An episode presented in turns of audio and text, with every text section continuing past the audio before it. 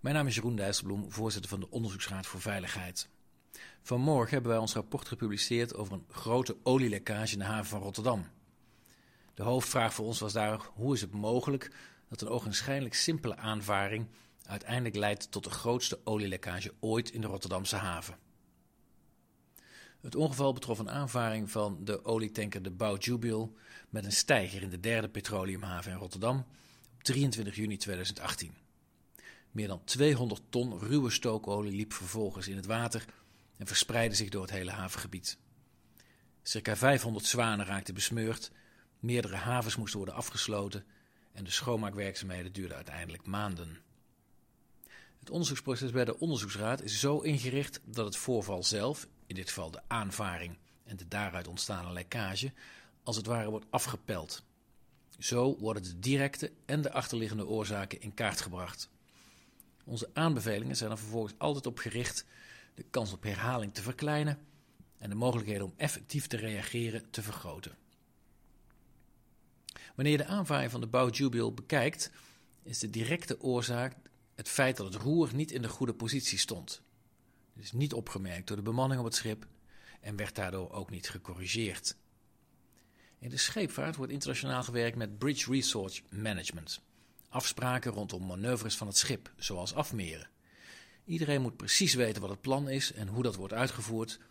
En bemanningsleden kunnen elkaar aanspreken op het verloop hiervan. In dit geval waren niet alle bemanningsleden op de hoogte van het plan. Ze hadden daarom ook geen reden om in te grijpen en de kapitein te corrigeren. Kort voor de aanvaring is het nog wel geprobeerd, onder andere door de sleepboot nieuwe instructies te geven, maar de aanvaring was toen al niet meer te vermijden. Na het vaststellen van de directe oorzaak gaan we dieper in op de materie.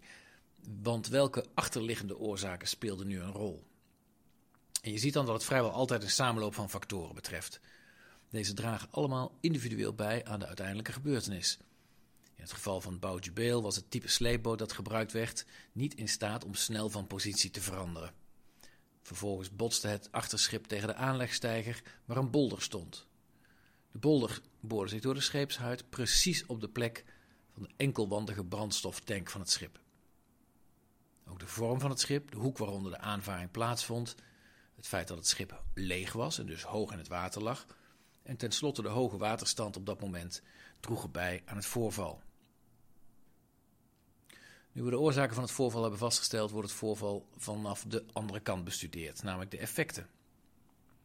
Het is in eerste instantie het gat wat is ontstaan in de scheepshuid, waardoor de olie in het water terecht kon komen. Vervolgens kon die olie zich verspreiden, zelfs tot ver buiten de haven. Dit leidde tot het grootste effect van het voorval, serieuze schade aan het milieu. Ook van deze effecten hebben we onderzocht hoe dit kon gebeuren. Direct na de aanvaring probeerde de hoofdmachinist van het schip de gevolgen te minimaliseren. Door olie uit de beschadigde tank over te pompen, werd uiteindelijk de uitstroom van zo'n 20 ton voorkomen. Ondertussen was er al wel ruim 200 ton ruwe stookolie in het water beland. Enkele minuten na de aanvaring kwam ook de oliebestrijdingsoperatie op gang. Er werd gehandeld volgens bekende scenario's. Er werden drijvende schermen rondom het schip in het water gelegd om de verspreiding van, het van de olie in te dammen. En er werd direct begonnen met het opruimen van de olie. Ondanks deze maatregelen kon ernstige vervuiling niet worden voorkomen. Daar lagen meerdere factoren uh, aan ten grondslag. Zo verliep het verzamelen en delen van informatie moeizaam. De exacte hoeveelheid van de uitstroom was onduidelijk. En ook was er geen zicht op het tempo waarmee de olie zich verspreidde. Al deze tijd waren de oliebestrijders aan het werk volgens de hen bekende scenario's. Ze waren zich er niet van bewust dat deze werkwijze op dat moment niet effectief was. Naast de zichtbare olie die op het water dreef, was er ook een groot deel onder het wateroppervlak terechtgekomen. Deze olie kon zich vervolgens met de stroming ongezien verder verspreiden in de diepere waterlagen. Dat de waterstand in de Rotterdamse haven onder invloed van het getij fluctueert, droeg hier aan bij. Zo werd al snel een groot deel van de olie onder de drijvende schermen door met de ebstroom de haven uitgetrokken. Pas na vijf uur na de aanvaring waren er luchtbeelden die de werkelijke omvang en verspreiding lieten zien. Bij de oliebestrijdingsoperaties waren drie partijen betrokken: Rijkswaterstaat, de veiligheidsregio Rotterdam-Rijnmond en het havenbedrijf Rotterdam. Om een lekkage van deze omvang effectief te bestrijden, is samenwerking en afstemming cruciaal.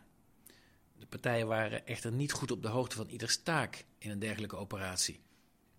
Ook de middelen om de verontreiniging effectief te bestrijden waren verdeeld over de veiligheidsregio en Rijkswaterstaat. Nu komen we dat in ons onderzoek natuurlijk vaker tegen. Veel partijen en daar waar taken of verantwoordelijkheden overlappen tussen partijen, ontstaan onduidelijkheden. Het was een ongekend grote lekkage. Met deze ongelukkige ervaring hebben we ook de kans en de plicht om lessen te leren. Het bestrijden van een dergelijke ramp is uiterst lastig. Dat betekent dat de uitdrukking beter voorkomen dan genezen hier heel duidelijk geldt. En daarom gaan onze eerste aanbevelingen over het voorkomen. Zo kan de minister zich in Europees of internationaal verband voor inzetten om de vele schepen met enkelwandige brandstoftanks sneller uit te faseren of deze schepen versneld aan te passen. De Rotterdamse haven en de havenmeester bevelen wij aan om voortaan beter rekening te houden met de specifieke risico's van schepen met enkelwandige brandstoftanks. Door een geschikte aanlegplek te kiezen, waar nodig meer stijgers voor deze schepen geschikt te maken, door rekening te houden met de waterstand en te zorgen voor het juiste type sleepboot. En natuurlijk moeten de reders blijven investeren in het trainen van samenwerking van de teams op de schepen. Als het zich dan toch voordoet, zullen de verschillende diensten werkzaam in en om de Rotterdamse haven goed voorbereid moeten zijn. Daarop hebben we ook een aantal aanbevelingen geformuleerd.